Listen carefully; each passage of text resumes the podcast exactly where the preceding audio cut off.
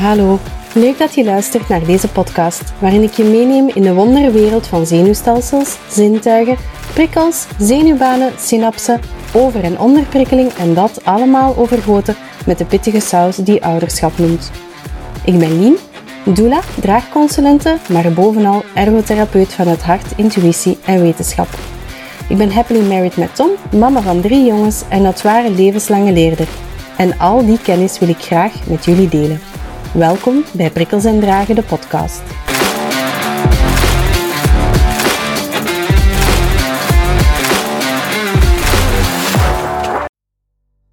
Zo blij dat je luistert naar deze allereerste aflevering van Prikkels en Dragen, de podcast.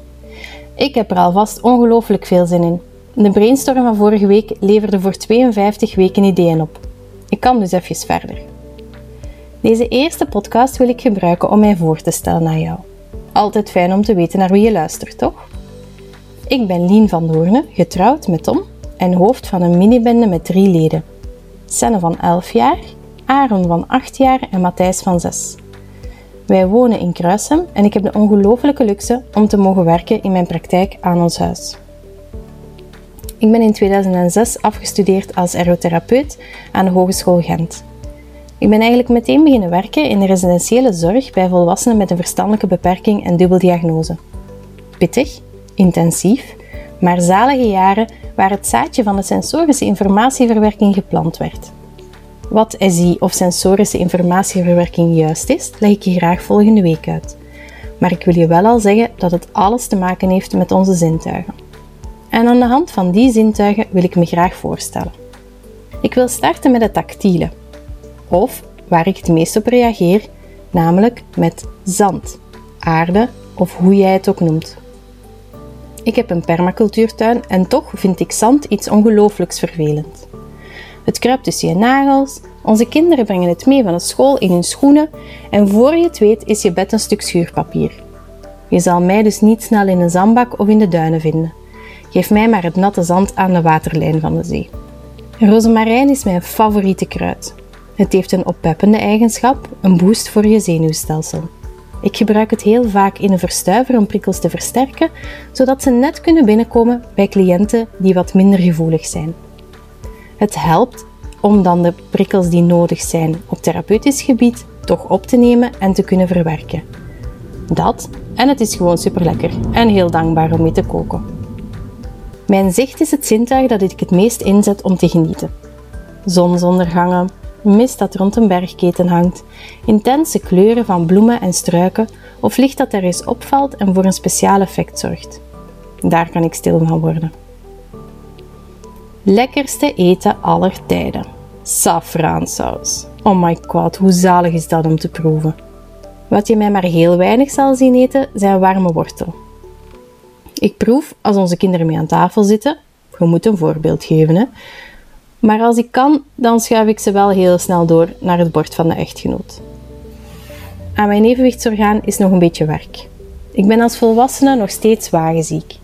Fillen, haarspelbochten, brus cremmen en optrekken en ik heb ervan, met de prachtige groen-grauwe kleur die dat erbij hoort. Sinds vorige maand ben ik SI-therapie op mijzelf aan het toepassen om dit te verhelpen en ik merk wel al wat verschil. Al moet ik eerlijk zijn mijn zesjarige zoon veel sneller vooruit gaat dan ik.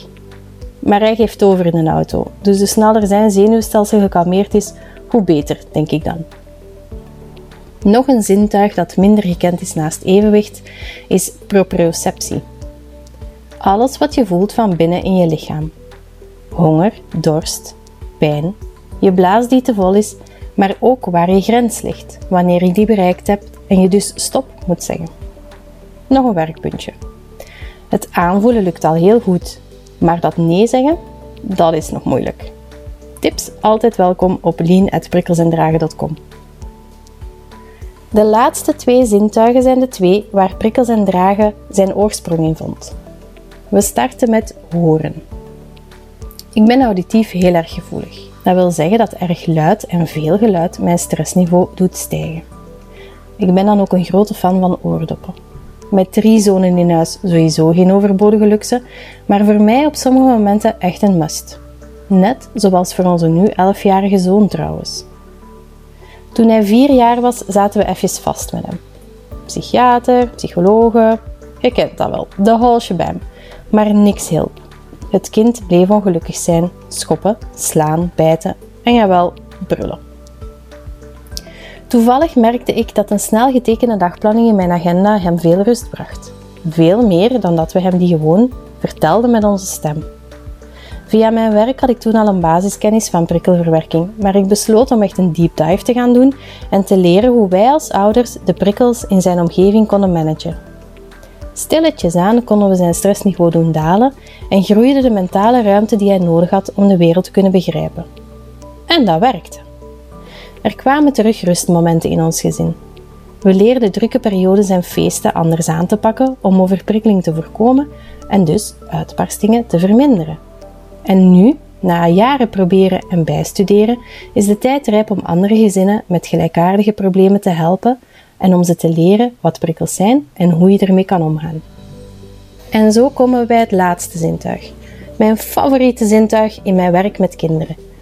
Proprioceptie of diepe druk. Babydragen is daar een fantastisch voorbeeld van. In 2020 behaalde ik mijn certificaat als draagconsulente met mijn eindproef Ondersteunt ergonomisch dragen ouders met autisme bij de hechting en prikkelverwerking tijdens het eerste levensjaar van hun kindje.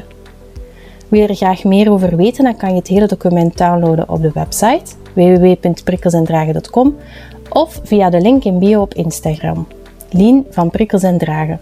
Allemaal aan elkaar met underscores. En ik wil nu al wel een tipje van de sluier oplichten. Ja, het helpt echt. Maar dus, dragen. Het dragen van je baby of kindje dragen als draagconsulenten. Maar ook van jou als ouders helpen de zorg van je kindje dragen als ergotherapeut. En tenslotte ook jou als ouders met een prikkelverwerkingsprobleem dragen als doula tijdens de zwangerschap en geboorte van jullie kindje. Mijn drie passies, mijn werk, periodes in jouw leven dat ik graag even naast je wandel en je bijsta met tips en daden vanuit hart, intuïtie en wetenschap. En daarmee wil ik deze eerste aflevering van de podcast afsluiten. Volgende woensdag drop ik een nieuwe aflevering waarin ik meer uitleg geef rond wat die prikkelverwerking nu juist is en hoe ze werkt.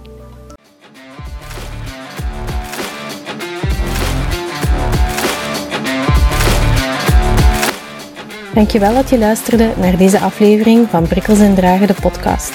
Vragen of reacties mag je steeds laten weten via de website www.prikkelsendragen.com of via de socials. Ken je iemand die baat zou hebben bij het luisteren van de podcast? Deel hem dan zeker. Groetjes en tot volgende week!